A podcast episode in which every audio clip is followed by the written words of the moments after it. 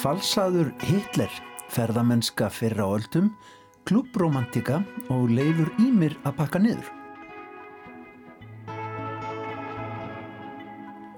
Undir lok þáttarins í dag hittu við Leif Ími Eyjólfsson, myndlistamann sem á dögunum hlaut kvartningarverlun íslensku myndlistaverlunana árið 2019 fyrir síninguna Handrit í Hafnarhúsi Listasaps Reykjavíkur. Leifur verður heimsóttur í sapnið þar sem hann er að taka niður síninguna og rætt verður við hann um listköpun hans almennt í tilöfni verlunana.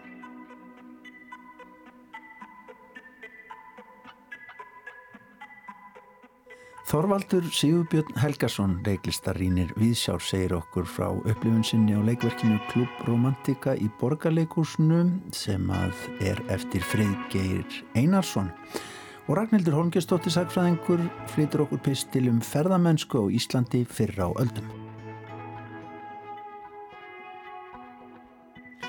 En við ætlum að byrja því að fjalla um einn myrkasta afkíma alþjóðlegs myndlistamarkaðar Vestlun með listaverk og falsanir á verkum Adolfs Hitler. En við ætlum að byrja hér heima.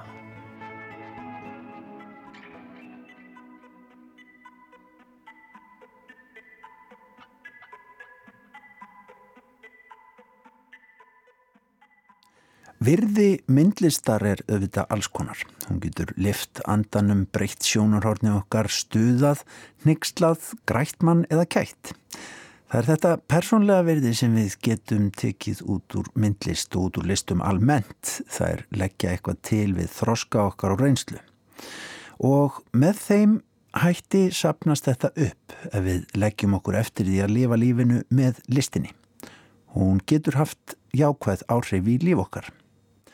En svo getur listin fengið á sig eitthvað peningalegt virði þar sem snúið getur verið að meta vermiðana hvað nýsköpun eigi að kosta til dæmis og yfir í það hvernig meistaraverkin sem að mannkinn allt slæri apvel eign sinni á að einhverju leiti að lokum verða ómetanleg með öllu.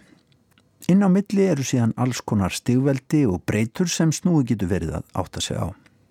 Alls konar milliliðir blandast líka inn í málið. Sagaverkana sem umræðir getur líka haft áhrif og óljósir mæli kvarðar sem að engir tveir eru alveg sammála um þegar kemur að gæðum, fegurð og virði.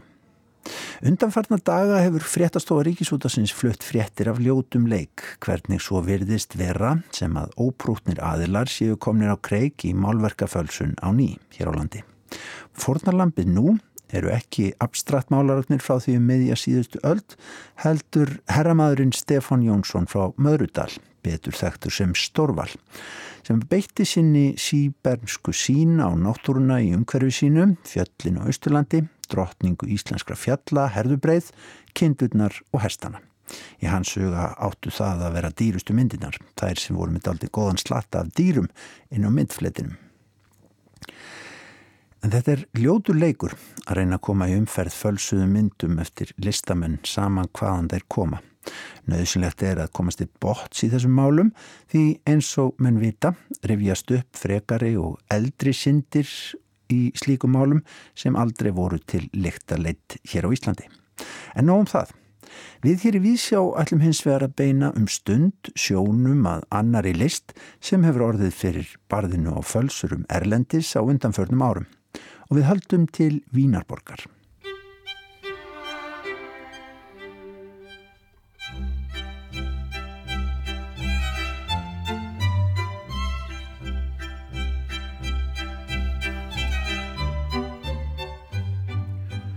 Ánefa er það langfrægasta neitun um skólavist allra tíma þegar Adolf Hitler kom til Vínaborgar frá Linz árið 1907 og sótti í framhaldinu tvísvarum ingöngu í Fagulista Akademíuna í Vínaborg.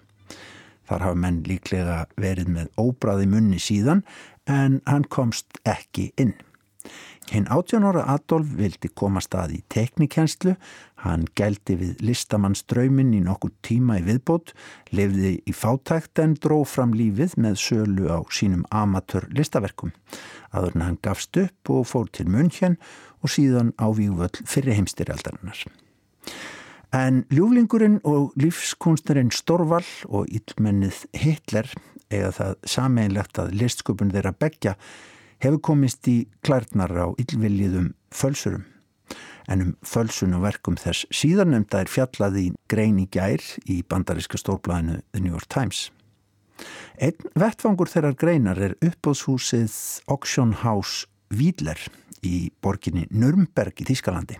Það sem bæði risavaksnar áróðsýningar þriðaríkisins fóru fram og líka réttarhöldin frægum yfir fórengjum nazista að setni heimstyrjöld lokinni. Og þar á bæ, í Auction House Wiedler, gerðu Þísk lauruglu yfirvöld nýlega mikla rassíu þegar þeir lögðu hönd á 63 málverk sem eignuð voru einræðisherranum og mert A. Hitler.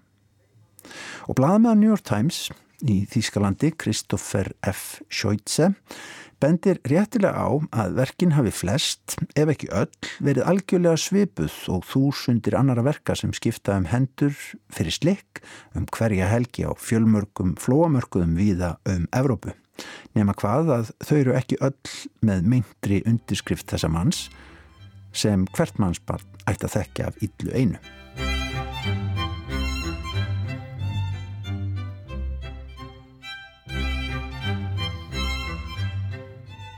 En uppvakna fjölmarkar spurningar í ljósi þess að aukning verðist hafa orðið á verkum egnuðum Adolfi. Þeim verðist einfallega að hafa fjölgað í setin tíð. En eftir að hann tók við völdum let Hitler sjálfur pótindáta sína sapna saman verkum sínum hingað og þangað og ávísti að að hafa eðilagt slatta af þeim slökustu. En spurningarnar, já, Það eru ímsar, einn þeirra er til dæmis hvort að uppgangur hægri öfgabla í evróskum stjórnmálum um þessa mundir kynnti undir áhugan á verkum Hitlers. Ekki telur einn viðmælanda New York Times útastmaðurinn Tom Schimek svo vera.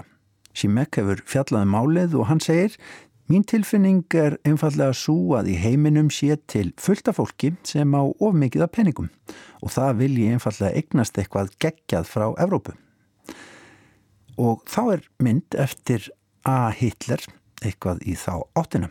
Burt sér frá því hver síðferðilega vafarsamt það lítur að vera að hengja verk upp á vegg eftir einn mesta fjöldamorðingi á ílmenni sögunar en það er annar mál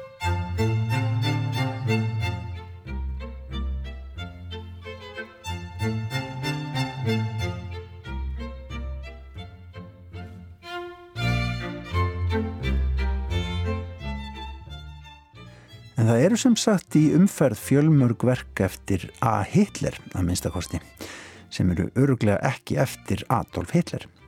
Vitanlega eru til í söpnum einstaka verk eftir hann en mengunin sem að fylgir fölsuðu verkunum, ef svo má segja, er svo mikil að engin veit upp eða niður í hvað er ekta og hvað er falsað.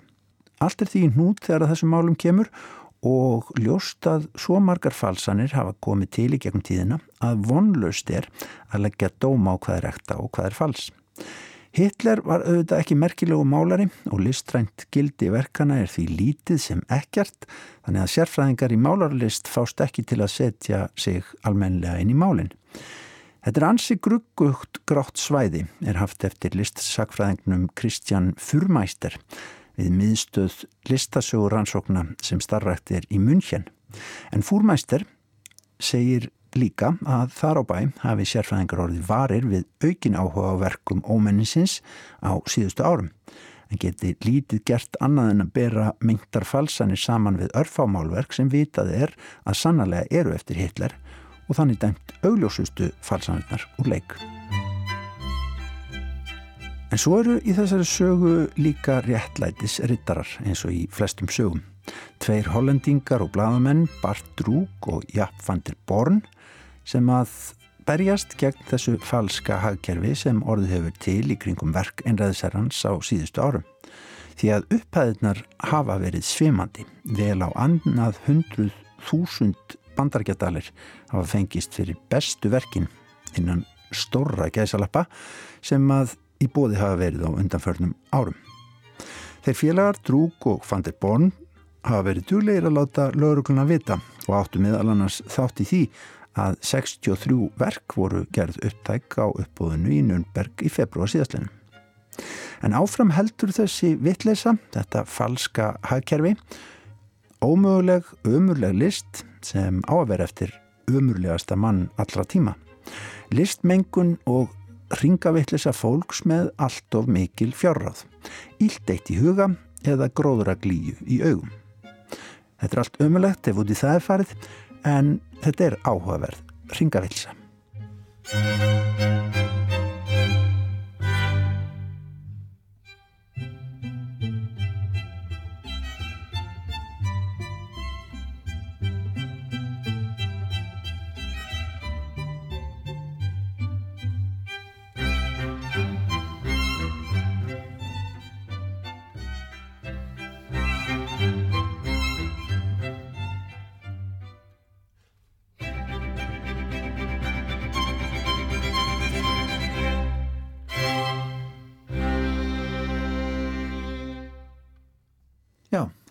Einslæginu um Hitler og myndlistinu hans, falsanir á myndlistinni hans. Herðust nokkri tónar úr smiðju Ógústs Lanner. Það er sonur Jósefs Lanner sem var frægari valsakongur í Vínaborg þessa tíma. En við ætlum að fara eitthvað allt, allt annað. Leiðin liggur út í heim, ekki satt, Kristján? Jú, ég held að við séum að fara til Belgíu og Mæjorka í fyllt með friðgeiri einasinni. Þorvaldur Sigurbjörn Helgason, leiklistar gaggrínandi viðsjár, fór í borgarleikúsið og sá nýtt verk friðgeirs, Klöpp Romantika. Tveir menn á færtusaldri, klættir í hallarislegar hafa í skirtur og stuttbúsur í stíl, standa á pastellituðu sviði, umkringdir sundboltum og öðru strandóti. Þetta gæti hljómað eins og uppskrift af post-írónísku rapptónlistamimbandi En hér er þó verið að lýsa sviðsetningunni á engar einlægu sviðslistaverki að nafni Klöpp Romantika sem frum sínt var á nýja sviði borgarleikusins fyrir viku síðan. Verkið er hugarsmið sviðslistamannsins og rítöfundarins Friðgers Einarssonar sem hefur gert gardinn frægan með leikópi sínum kreðpleiri og þeirra sérstöku tegund leiklistar þar sem unnið er með mörg kaltæðni og einlægni og sviðsetningu sjálfsins. Friðger deilir sviðinu með tónlistamannunum Snorra Helgasinni sem bæði semur tónlistverksins og breyður sér í ímis hlutverk á móti aðalegarunum og sögumennum friðgeri. Verkið tekur form leikrætnar frásagnar þar sem friðger segir söguna af þremur myndaalbumum sem áskotnuðust tónum fyrir tilviljun á flóamarkaði í Brussel þegar hann var stattur þar í fríi árið 2008.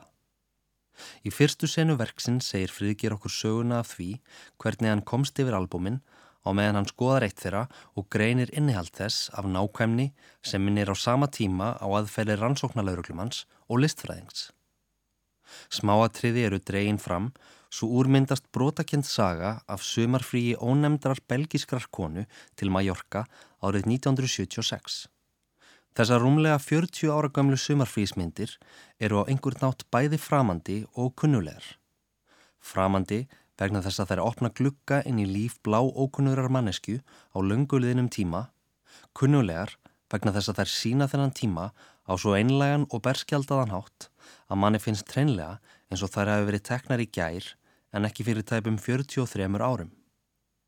Friðger lýsir því sjálfur síður í verkinu að eftir því sem hann hafi oftar skoða albumin hafi honum farið að líða sífelt meir eins og hann hafi verið sjálfur viðstatur atbyrði þeirra tilfinning sem margir áhórandur geta eflust tengt við. Hinn tvö myndaalbumin greina frá tveimur öðrum atbörðum í lífi konunar sem friðger gefur nafnið Eloise út frá ídlæsilegum flugmiða í albuminu.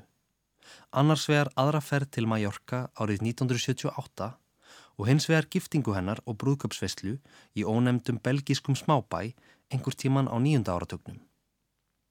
Friðger fer með áhórendur í gegnum sína tólkun á sögu Eloise sem hann hefur púslað saman úr albúmunum þremur sem og söguna af rannsóksinni og ferðalagi og afdrifum hennar. Hann tengir söguna við sitt persónulega líf og lýsir því hvernig breytir fjölskylduhægir allir því að hann ákvað rúmum tíu árum eftir að hafa eignast albúmin að leita upp í Eloise og skila henni myndunum aftur. Frásögn Friðgirs næra snerta ótalmarkar taugar. Hún er í senn fyndin, hjartnæm, spennandi og personuleg.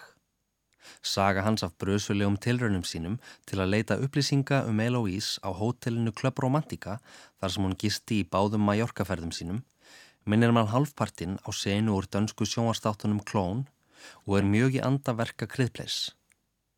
Þá lifgar samspil Friðgers og Snorra Helgasonar mjög upp á atbörurásina og ángur vært tónlistaratriði hins síðanemda mynda skemmtileg uppbrót í verki sem annars er að stertuleiti byggt upp á einsmanns frásögn. Í setni hluta verksins fer að vinda ofan af atbörjurásinni þegar Friðger segir frá ferðalagi sínu til belgíska smábæjarins Tervurin þar sem hann leitar aðstóðar hjá prestinum Ján í kirkjunni sem Elói skipti sig í.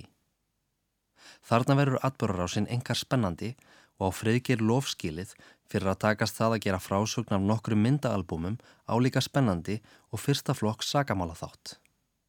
Þá er lokan ykkur verksins mjög vel framkvæmdur og þegar maður kemst loksins að örlögum Eloís er það, eins og með allar almennelega ráðgátur, bæði viss léttir að fá loksins niðurstöðu og á hvern vonbreyði að ráðgátunni skuli vera lokið. Ég ætla ekki að skemma endi verksins fyrir hlustendum en get þú lofa þeim að hann dansa um allan tilfinningarskalan. Klöp Romantika er verk sem skilur mikið eftir sig og vekur upp ýmsar vangaveltur um mörkins personulega og almenna. Til er að minningar fólks aðeins því sjálfu. Hvað gerir maður við minningar annarar mannesku? Hefur íslenskur listamæður rétt á því að kafa ofan í líf ókunnurar belgiskrar konu og gera svo úr því sviðsletaverk, að þenni óspurðri? Nú þegar flest okkar lifa lífi sínu svo til fyrir opnum tjöldum á samfélagsmiðlum internetsins, er það okkur sannarlega holdt að velta þessu fyrir okkur. Klöp Romantika veitir ekki svar við neinum þessara spurninga en það fungerar þó sem einhvers konar eiginlega rannsókn á því hvernig líf og minningar tvekja ókunnura manneskja getur tvinnast saman á óvæntan og fallegan hátt. Sæði Þorvaldur Sigurbjörn Helgason um síninguna Club Romantika sem er nú sínd í borgarleikúsinu. Man kemst í smá svona ferðagýr við allt þetta tal um fjarlag lönd, Belgi og Mallorca, svo ekki sé talað um það að fara lengra út í heiminn. En við ætlum nú samt að halda bara út á þjóðvegin þetta eru Elin Ey og Pétur Ben. Nú finn ég fyrringin ég fyllir bílinn þar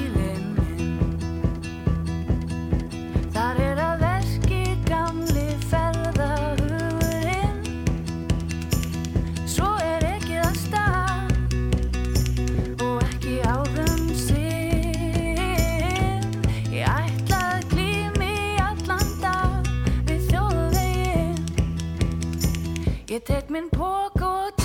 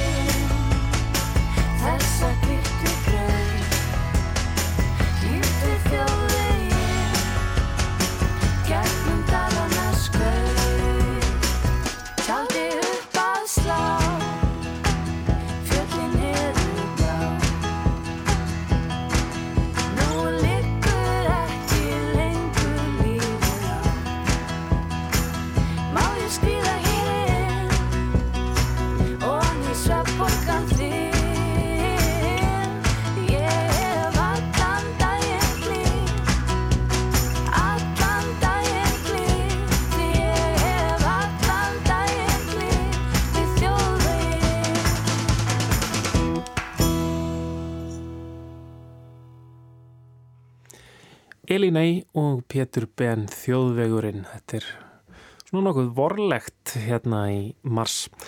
En við ætlum að halda okkur við ferðamennskuna Ragnhildur Holgersdóttir allar að fjallum ferðamennsku fyrra á öldum í pisli sínum þessa vikuna. Eitt sinn var Ísland einstakur, sjálfgefur og eftirsóknarverður áfangastadur fyrir ferðamenn. En mikil ferðabókaskrif um landið, aukin velmegun í Evrópu og bættar samgöngur urðu til þess á þessu var gjör breyting.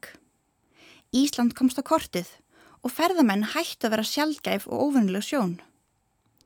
En um leið misti landið æfintýraljóman í augum margra. Ferðamannaströymurinn spilti íslenskum síðum og venjum og nágrinni helstu ferðamannastaða fylltist af rusli og sorpi. Þessi breyting gerðist þó ekki í kjölfara eldgóðsins í Eyjafjallajökli árið 2010. Heldur átti hún sér stað á síðarluta 19. aldar. Engum núlifandi Íslandingi myndi þykja fjöldi ferðamanna á landinu árið 1875 neitt sérstaklega tilkomið mikill. En það er enga síður á þessum tíma sem ferðamannastæðurinn Ísland mótaðist. Landið breytist þó ekki einu vettfangi úr því að vera helst sótt af erlendum fiskimönnum yfir í það að verða skyndilega vinsæll áfangastæður evróskar borgarastjættar. Það voru erlendri vísindamenn, oftast nær breskir, sem ruttu brautina átöndu öld og þessi vísindaleiðangrar heldu áfram næstu hundra árun eða svo.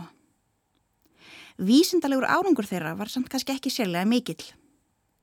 Leiðangusmenn áttu ekki kosta miklum upplýsingum um landið áður en þeir komu. Sumir heldu til dæmis að hér væri jafnan hægt að virða fyrir sér virk eldgós, svo eitthvað sé nefnt. Því voru rannsóknir þeirra ekki mjög markvissar. Oftar en ekki var hápunktur þessara leiðangra gönguferð upp á heklu og handahófskendar mælingar við geysi.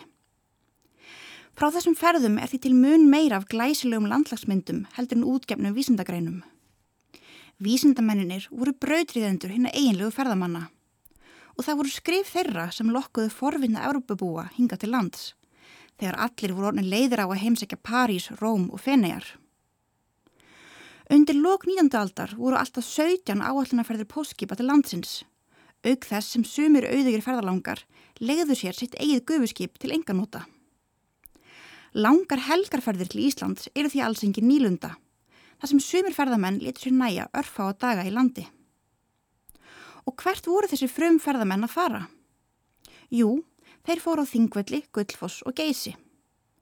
Dagskrá erlendra ferðamanna í dag ræðist því að töluverði leiti af áhugasviði vísundamanna átönduöld sem mótuðu þessa ferðamenningu. Stærsta breytingin er kannski svo að í dag getur einbeittur túristi brunað gullna hringin á einum dagsparti en í ennskri ferðahandbók frá árunna 1893 er mælt með 12-16 dögum fyrir herlegheitin. Innifallið því var að vísu fjallgang á heklu sem hefur fyrir lifandis löngu dotti úr tísku. Þó að þessi kjarni íslenskra ferðamannastaða hafi haldist að mestu óbreyttur frá upphafi í einn 250 ár, þá hafa orðið mikla sveiblur í viðhorfi ferðamanna til þessara staða. Og þau viðhorf hafa síðan átt í flóknu samspili við upplifun Íslendinga af náttúru og sögu síns eigin lands. Gullfoss var að til að mynda algjör nýjung í ferðahandbókinni frá árunni 1893. 15 árum fyrr hefði ekki nokkuri sálu dott í hug að það veri ómaksinsvert að leggja þanga leið sína. Þingvallir þóttu heldur ekkert sérlega aðtæklusverðir átöndu öld. En mikilvægi þingvalla sem sögustadar ógs jæmt og þétt í augum Íslendinga og ferðamanna eftir því sem leið á öldina. Í augum vísindamannana á átjándu öld og fyrirluta þeirra nítjándu, það voru það geysir og hekla sem voru lang mikilvægastu staðinir. Engin almennilega ferðasaga gat verið án skilmerkilegra lýsingar á öllum hættunum og erfileikunum sem höfundur lendi í á leiðsinu upp heklu eða þeirri andaktugu lotningu sem hann fyldist þegar hann fyldist með geysi. En eins og oft vil verða með hluti sem eru lofar í hástert, þá allir bæði geysir og hekla segni ferðamennum óttalegum vonbröðum. Geysir hættið að gjósa og gönguferðin á heklu varði einhvern veginn alltaf minna og minna spennandi. Það þurfum þótti helst hæfa unglingstúlkum á sunnudagsgöngu. Almennt séð færðist Ísland þó hægt og bítandi frá því að þykja skelvilega ljótt land um miðbygg 18. aldarinnar til þess að þykja bæði tilkomið mikið og fagurt þegar komið var fram á þá 20. Álit ferðamanna á Íslendingum var hins vegar öllu flóknara og tók ekki jafn miklum framförum á tímabilinu. Sumir hrifust af hennu íslenska landbúnaðarsamfélagi, gestrisn íbúana og óvinnu góðri latínakunnáttu, svo eitthvað sé nefnt. Aðrir náðu ekki í nefið á sér á neykslun yfir því hvað Íslendingar veru skítugir, latir og ágjarnir. Staðalýmyndin um minn göfuga villimann var aldrei langt undan í hugum ferðalangana.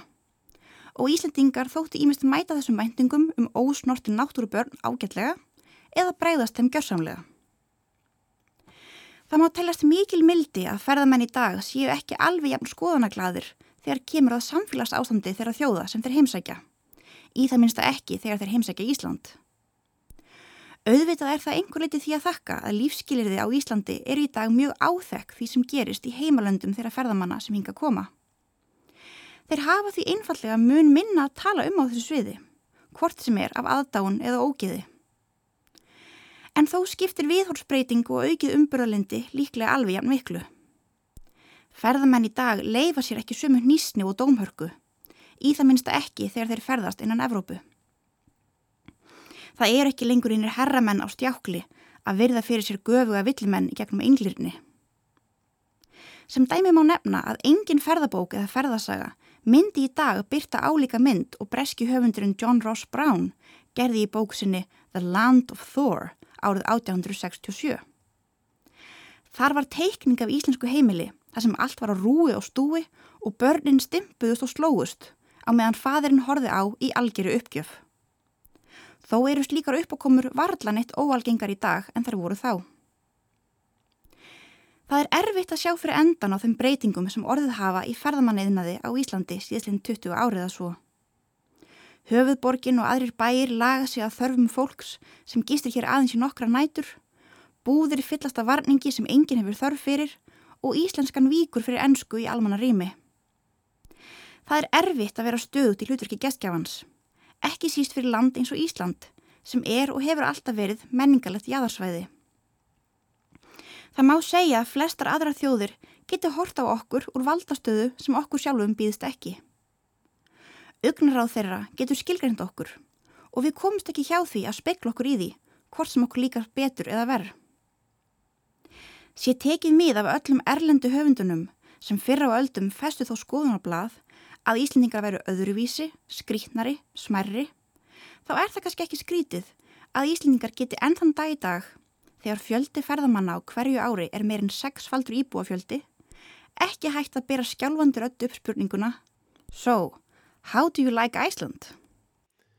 Sæði Ragnhildur Holgerstóttir, sakfræðingur um ferðamennsku fyrir á öldum hér á Íslandi. How do you like Iceland? Notar þetta mikið, Gunni? Sko, ég upplifa það þannig að ég sé miklu meiri sendiherra fyrir Ísland þegar ég er erlendis en endilega hérna heima. Ég, hérna, ég spyr ekki túristan okkar að þessu hér, Nei. en þegar ég kem út þá fer maður alltaf inn að velta fyrir sér hvort fólk hafi komið til Íslands og ef það hefur komið til Íslands þá fer ég aðeins í þennan gýr. Er það ekki? Gerum við það ekki aðeins öll? Ég held að gera það margir og, og maður eiginlega kennst alltaf hjá því. Fólk oft sýnir landiðinu og þjóð svolítið mikið áhuga. Já, við erum náttúrulega spes. Algjörlega. Um, en, en þetta hefur breyst. Ég, ég, það er nú ekkit mörg ár síðan einhvern veginn þetta var bara alltaf fyrsta spurning sem Íslandingar spurðu útlendingar. Þetta er kannski ekki alveg, á ekki alveg eins vel við núna því að það eru þetta bara miklu, miklu fleiri sem hinga að leggja leið sína. Einmitt. En maður kemst í svona daldinn ferðagýr hins vegar að öllu þessu ferðatali bæði umfjöllun Þorvaldar hér áðan um klúbromantika eftir Frikir Einarsson sem eru auðvitað byggt á ferðalögum og eins líka þessu spjalli um erlenda ferðamenn á Íslandi fyrir öldum. Eh, Ef hún ekki fá bara meiri svona ferðamúsik, þetta er lag sem heitir Caravan og er eftir Duke Ellington, síkilt meistarverk af plötu sem heitir Money Jungle þar sem að Duke Ellington fór í hljóðver ásand Max Rhodes á trommur og Charles Mingus á bassa. Útvölu plata og miklu meistarar á ferð þetta er Caravan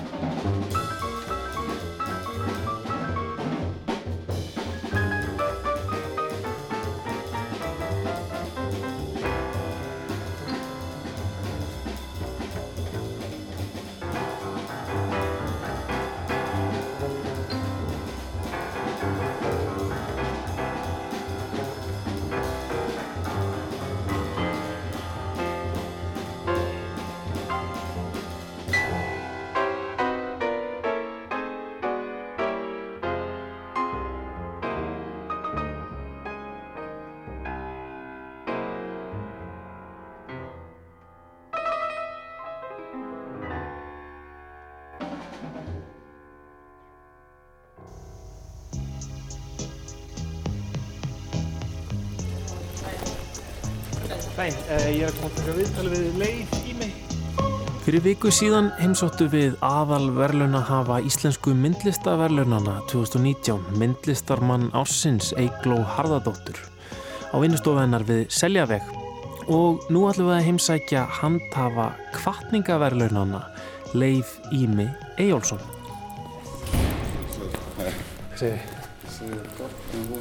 Leifur Ímir er fættur árið 1987, hann læriði keramík og mótun við myndlistaskólinn í Reykjavík og útskrifaðist svo frá myndlistadeild LHI árið 2013.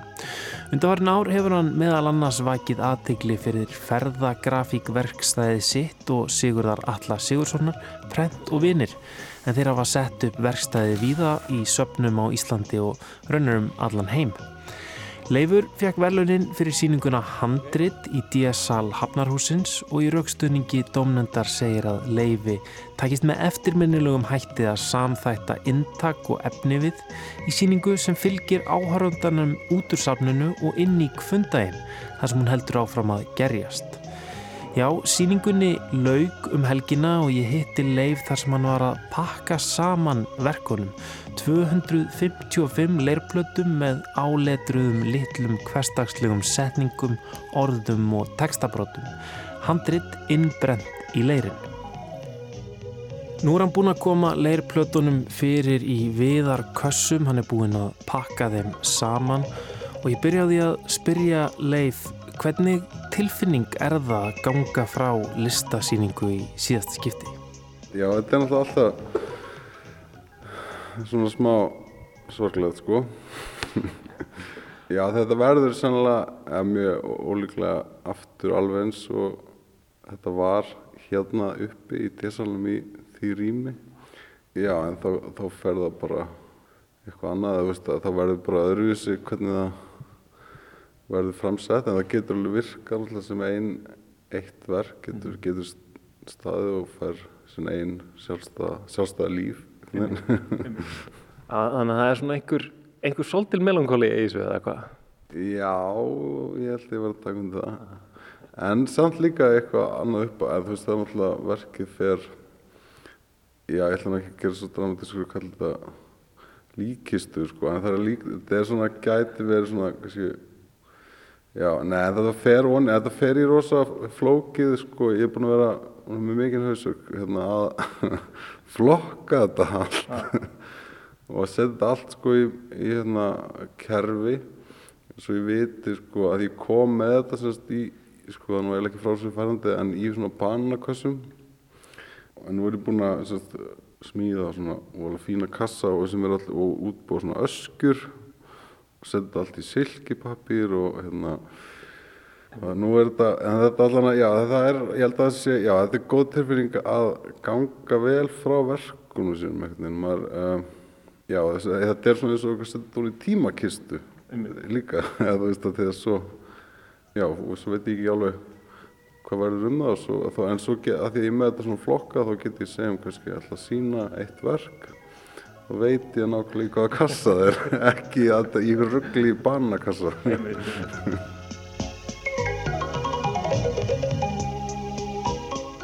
Viltu segja aðeins frá þessari síningu, þetta, hérna, þessari síningu handrit, um, þú vannst í rauninni mikinn fjölda af verkum á leirplötur eða ekki? Jú, jú, jú, það passar. Jú, þetta eru hérna í kassanum, þetta eru svona 255 en ég gerði hérna, er svona hátt í 300 þessum voru svona en, það var svo heldur þetta nú kannski eitthvað áfram. Ég, já, ég talaði svolítið um það að ég finnst gott að hugsa þannig að sé að verkið verði aldrei tilbúið veginn, ef það haldi áfram ef þú veist, þetta er svona partur af einhverju ferli þú veist, og sem á sér kemur einhvers staðar og er að fara eitthvað sem maður veit ekki endilega. Já, Já, sem sagt, þannig að þetta voru 200 í, í þessum, í DS-alnum hann uppi, það voru hvað, 255 leirplötur sem var búið að, hvað, prenta Já, eh, nei, nei, nei, byrju, þegar ég- þetta voru þetta voru, voru búin að handskrifa með svona sérstökum leirlit sem var brendur í í leirplötunar Mhm. og já, þetta var svona setningar sem ég er búin að vera að sanka að mér svona svolítið, yfir svolítið langan tíma. Mhm. ég var um eitthvað að spura þessu dag hvernig ég byrjaði að safna þeim og ég held að ég, ég átta mikið alveg á því. Að þetta er eins og ég segi, maður er svona ég, ég kannski alltaf í ykkur svona ferli eins og kallað, verið ferli.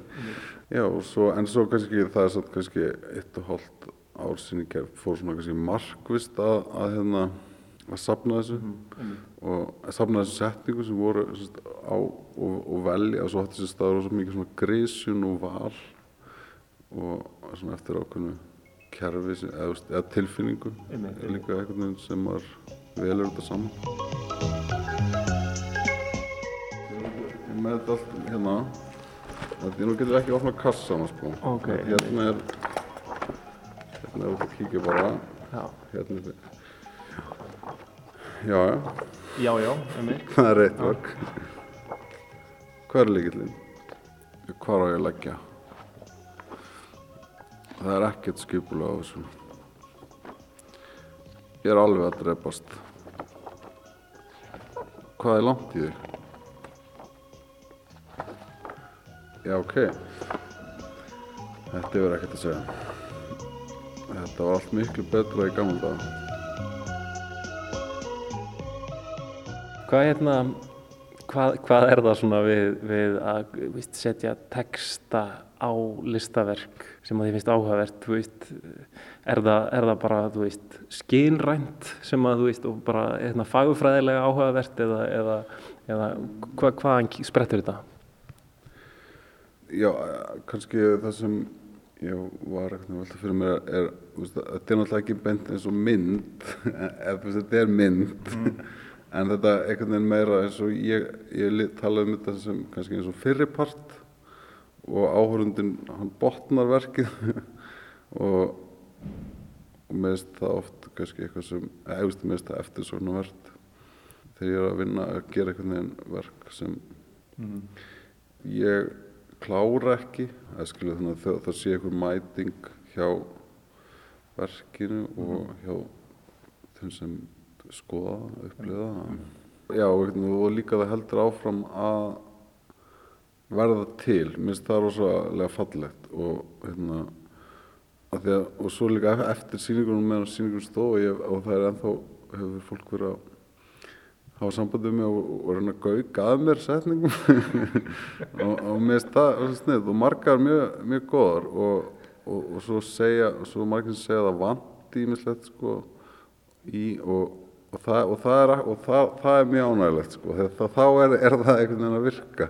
Þá, þá fer heldur verkið áfram kannski að, að lifa og kannski ómeðvitað hjá fólki eða sem hefur kannski álpast hann inn á sýninguna og fer út í daginn og, og, og, og fer að vera rosa meðvitað um hvað það segja eða, já, svolítið svolítið og kann, já að gefa, því, gefa tungumálinu einhvern veginn gaum eða, þú veist, mér finnst það að því að það er svo marg, margbrótið, margslungið og, og það er endalist alltaf einhvern veginn að maður er alltaf að læra einhvern veginn meira inn á íslenskuna og, og hvernig maður tjáu sig og það er alltaf eitthvað nýtt sem maður er að uppgöta.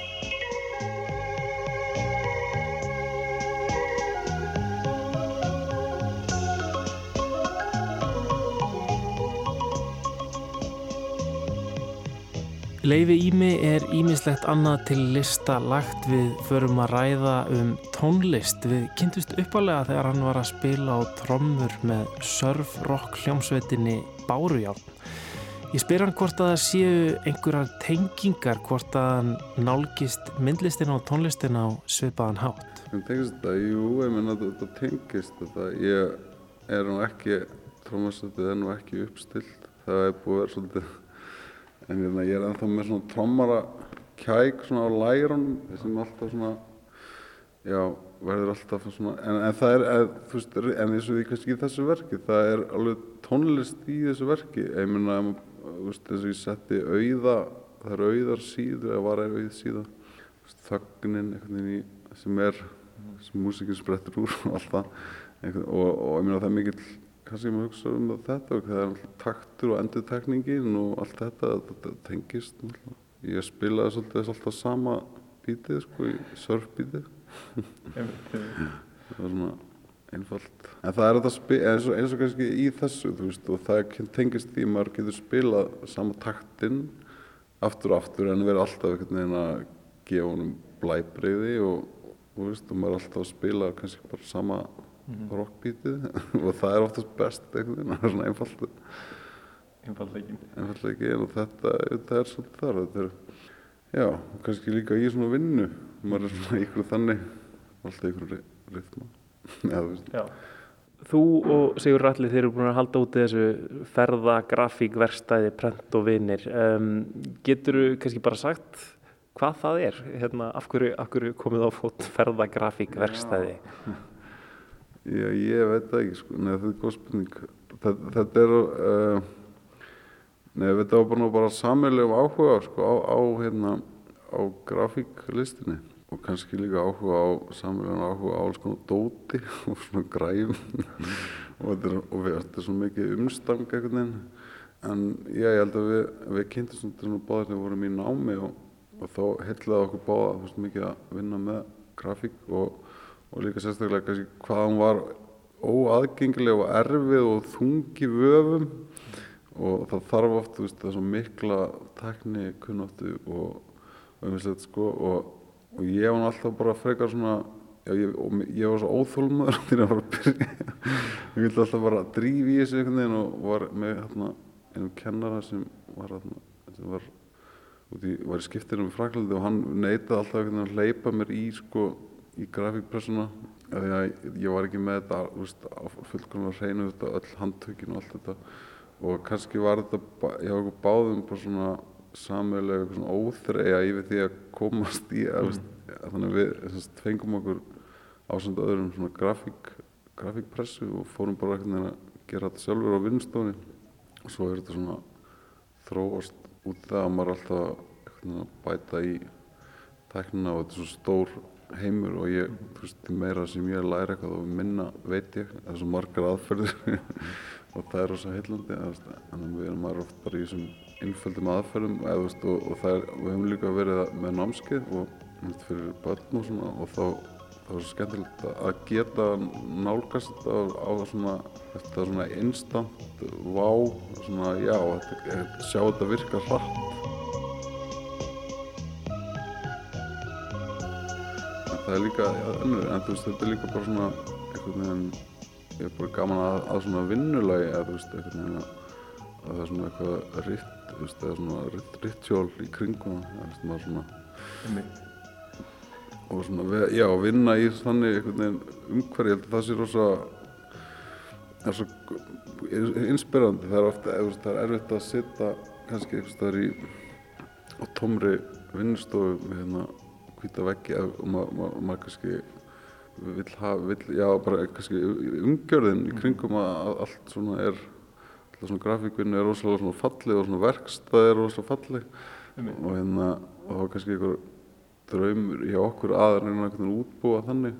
En, en við erum aldrei einhvern veginn á sama stað við erum alltaf svona þannig að það er verið náttúrulega einhvers konar innsetning. Já, þið hafið einmitt verið með svona einhvern veginn opnar, opnar vinnustofur þar sem þið setju upp grafíkverkstæðið ykkar eh, á mismundi stöðum. Og þá einmitt fær maður líka svona tilfinninguna fyrir því einhvern veginn það að vera listamaður getur líka verið bara svolítið svona eins og að vera einhver verkamaður eða svona einhver handverksmaður. Já, við erum mikið að velta þessu fyrir okkur já, vinnur læginu og veist, hvernig maður vinnur og hvernig þessi besta, við erum dæmis, það er nýjasta hérna í okkur er að fara alltaf í hátismat sko hálf tólf og, og þá er maður búinn í mat tólf og getur aftur fyrir að vinna. Að því að við erum þannig, þannig líka að við erum odnir sko ómögulegir svona hálf, hálf tólf, þú veist, þá var síðasti hálftíminn. Þá er maður ekkert að vinna en þetta viti, fara bara í mat. Mm. þá, þannig sem maður græði þá að auka sko, klukkutíma yfir, yfir daginn eiginlega. Þannig að við erum ofta svona að að finna út í hvernig maður getur einhvern veginn já, já, þetta- eins og þetta er ofta svona tæmingar líka kannski í, í grafík maður er alltaf með marga bolta í gangi og líka eins og þessu verki hvernig það var unni hérna. Um, nú varstu að klára og ert búin að pakka niður þessari hvað, svona fyrstu engasýningu í, í stóru safni þannig að þetta er kannski þetta er einhvers konar endir en, en þetta er kannski líka bara uppaf eða hvað Uh, já, já, algjörlega. Hérna, og svo, já, þetta er verkið að koma hérna hún í tímakistuna og, og svo er það ekki leiðið tíminn ljós hvort að þetta eitthvað verið varið í þetta, ég veit ekki.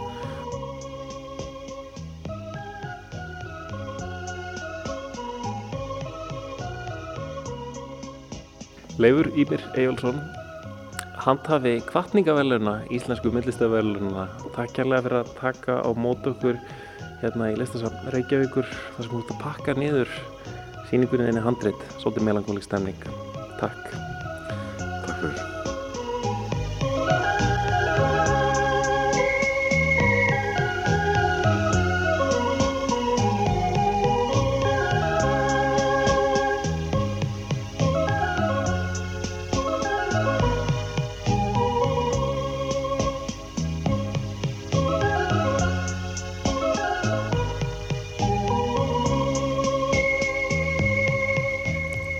Enduðum við á tónlist, raftónlist frá Níger. Mamane Sani held ég að hann heiti tónlistamæðurinn sem gerir þessa tónlist. Ómþýð og skemmtileg. Já. En þarna áður var rætt við Leif Ími Eyjálsson, myndlistamann sem að hlaut á dögunum kvartningaverlun, íslensku myndlistaverlunana 2019 og hann var hann að pakka niður skemmtilegri síningu sem að stóð uppi í DS-sal Hafnarhúsins sem hétt Handrit. Stórmerkileg síning, er ekkit auðvelt að ekkit svona hlaupið að því að, að setja upp svona síningu með svona óbúslega þunnum leirplötum eins og hann gerði þarna og bara auðvitað leifur vel að heiðrinum komin. Við í síðustu viku rættum við myndlistamann Ársins, Eiglu og Harðardóttur ítalega fyrir viku síðan og rétt áskaðum bara báðum til hamingju með heiðurinn. Ég meit, vel að þeim komin. Um, en það er svona að líða lokum hjá okkur í dag, Guðni, eða ekki? Jú, við minnum á það að við sjáum alltaf með úrval á sunnudögum þar sem við tökum saman eitt og annað úr þáttum vikunar. Við erum að dagskrá á sunnudögum klukkan 14 en það er líka hægt að nálgast margt af okkar efni og efni úr öðrum menningarþáttum ríkisútasins inn á menningarvefnum okkar góða rúfmenning.is og svo kannski rétt að minnast sérstaklega á það að Föstudags eftirmyndas dagskráin er engar góð líka. Uh, Grár köttur í umsjón Önnu Marsjar á okkar tíma og svo Lestarklefin sem á morgun verður í beitni útsendingu frá höfustad Norðurlands. Ummitt. Akureyri. Ummitt. Um, Og hann er auðvitað í mynd líka.